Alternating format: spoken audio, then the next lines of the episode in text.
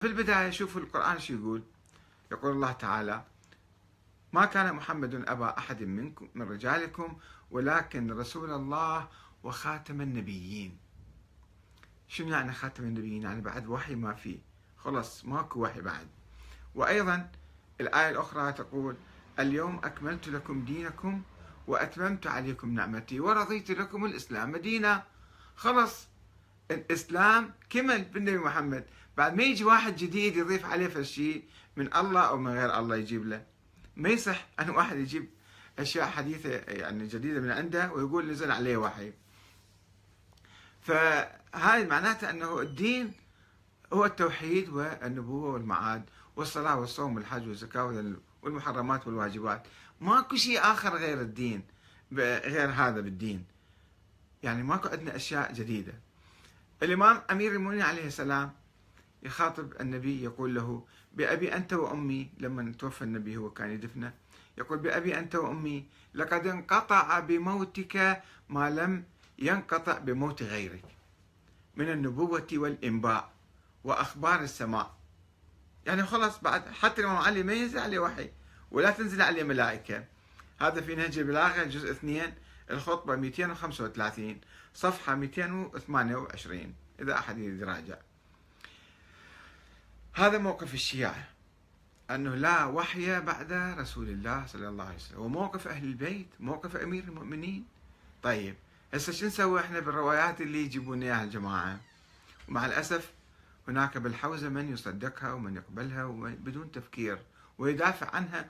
وشوفوا النقاش اللي جرى بيني وبين أحد أساتذة الحوزة فيكم حول هذا الموضوع. عندما نشرت هذا المقال المختصر حول الموضوع وأنا بحثت بصورة مفصلة في كتابي التشيع السياسي والتشيع الديني ونزهت الإمامين الباقر والصادق عن الغلو وعن القول بالإمامة وعن القول بالنبوة وعن القول بالوحي وعن القول بعلم الغيب وأي شيء ما كان عندهم. اللي يحب يراجع ذاك الكتاب ولكن باختصار جدا اخترت بعض الأحاديث حتى آه، أنقل لكم باختصار وقتنا أيضا محدود. يروى عن أبي جعفر عليه السلام. هذا أحد الأخوان نشره وأنا اضطريت أعلق عليه. قال قال الله عز وجل لأعذبن كل رعية. قال الله عز وجل. الإمام أو الباكر يروي عن الله مباشرة. قال الله عز وجل لأعذبن كل رعية في الإسلام دانت بولاية كل إمام جائر. ليس من الله. هذا الإمام. وإن كانت الرعية في أعمالها برة تقية. ولا أعفون عن كل رعية دانت بولاية كل إمام عادل من الله وإن كانت الرعية في أعمالها ظالمة مسيئة. هاي رواية يرويها النعماني في الغيبة. باب سبعة حديث رقم 13 صفحة 131 والكافي جزء واحد صفحة 376 طيب ما هو تعليقنا على هذا الحديث والأحاديث المشابهة التي تروى عن الإمام الباقر؟ أنه يروي عن الله. مباشرة بدون أي سند. ما يقول لسه النبي قال ذلك؟ لا هو يروي مباشرة. أقول هذا الحديث ليس آية قرآنية ولا حديثا نبويا. أنا ما أتحدث عن مضمونة أتحدث عن الشكل ماله الآن. وإنما هو رأي شخصي للإمام الباكر إذا ثبت الحديث عليه. ولا يعقل أن يروي الباكر حديثا عن الله تعالى دون أن يرد في القرآن الكريم أو ينقله الرسول الأكرم. ولا يمكن أن نصدق بهكذا أحاديث مرسلة عن الله تعالى. يعني الإمام باكر جاء بالقرن الثاني الأول آخر الأول بداية الثاني الهجري ويروي عن رسول الله. ولا سيما أن الإمام, الإمام الباكر ليس نبيا ولا ينزل عليه الوحي ولا الملائكة. فمن أين عرف هذا الحديث؟ ولذلك نحتمل جدا أن يكون هذا الحديث موضوعا عليه من قبل الغلاة. ولكن توجد في الكافي للكليني روايات عن الإمام الباكر تتحدث عن الوصي المحدث في موجودة بالكافي. من قبل المحدث من قبل الملائكة وأنقل لكم بعض الأحاديث واللي يحب يتوسع يراجع كتابي أيضا ويراجع الكافي. أه تحدث الملائكة مع الأئمة المحدثين. نجد في التراث الشيعي الإمامي الكافي يعني روايات عديدة عن أبي جعفر الباكر تتحدث عن الأئمة الذين تحدثهم الملائكة. ومع شكنا بصحتها نرى أنها تشكل امتدادا لنظرية الإمام الإلهية أو مرحلة من مراحل تطورها. أن صاروا ينسبون أحاديث أن الأئمة تنزل عليهم الملائكة. بعد القول بالحاجة إلى الإمام الحجة الذي يمتلك وحده علم الكتاب وما يكفي علم الكتاب فلازم يجي عليه وحي جديد. والقدرة على تفسيره وتأويله ولما كانت نظرية الإمامة تقول بأن الأئمة معينون من قبل الله وأن علمهم إلهي فلم تجد مانعا من ادعاء تحديث الملائكة للأئمة مع تأكيدها على نفي كون الأئمة أنبياء. نفس الأحد يقول لا يعني إحنا ما نقصد الأئمة أنبياء ما هو كل نفس المعنى تقوله.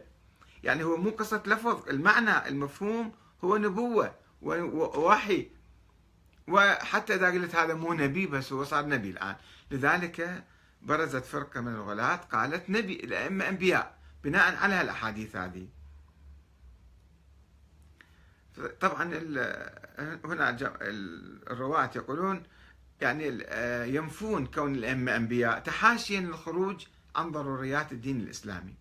فقد روى الكليني عن الإمام الباكر أنه قال إن علم ما لا اختلاف فيه عند الأوصياء. كما كان رسول الله يعلمه. صار الوصي مثل النبي يعني. إلا أنهم لا يرون ما كان رسول الله يرى من يعني الملائكة. ما يشوفوا الملائكة. لأنه كان نبيا وهم محدثون شوية درجة أقل من عنده. وأنه كان يفد إلى الله عز وجل فيسمع الوحي وهم لا يسمعون. النبي يسمع الوحي والأئمة لا يسمعون. وحسب ما يروي الكليني فإن الباكر رفض أن يكون علم النبي مقتصرا على القرآن. واستشهد بهذه الآية إنا أنزلناه في ليلة مباركة إنا كنا منذرين فيها يفرق كل أمر حكيم أمرا من عندنا إنا كنا مرسلين. فقال إن هذا الأمر الحكيم الذي يفرق فيه هو من الملائكة والروح التي تنزل من السماء إلى الأرض. هذا للنبي. هسه نجي بعدين. وروى الكليني عن الباقر أنه قال في تفسير في تفسير آية فيها يفرق كل أمر حكيم إنه لينزل في ليلة القدر إلى ولي الأمر. مو بس للنبي النبي خلصنا. نجي على ولي الأمر للأئمة يعني. تفسير الأمور سنة سنة. يؤمر فيها في أمر نفسه بكذا وكذا. شنو اليوم أنت تسوي؟ برنامج عمل مال سنة كامل. وفي أمر الناس بكذا وكذا. شو تسوي ويا الناس؟ وإنه لا يحدث لولي الأمر. الإمام يعني. سوى ذلك كل, كل يوم علم الله عز وجل الخاص والمكنون العجيب المخزون مثل ما ينزل في تلك الليلة من الأمر. كل يوم ينزل عليه وحي مو بس بليلة القدر. وكل تلك الروايات تصب في فكرة واحدة. هي الوصي المحدث يعني الإمام اللي هو الوصي يعني يحدث من قبل الملائكة. وضرورة وجوده واستمراره إلى يوم القيامة. لازم أكو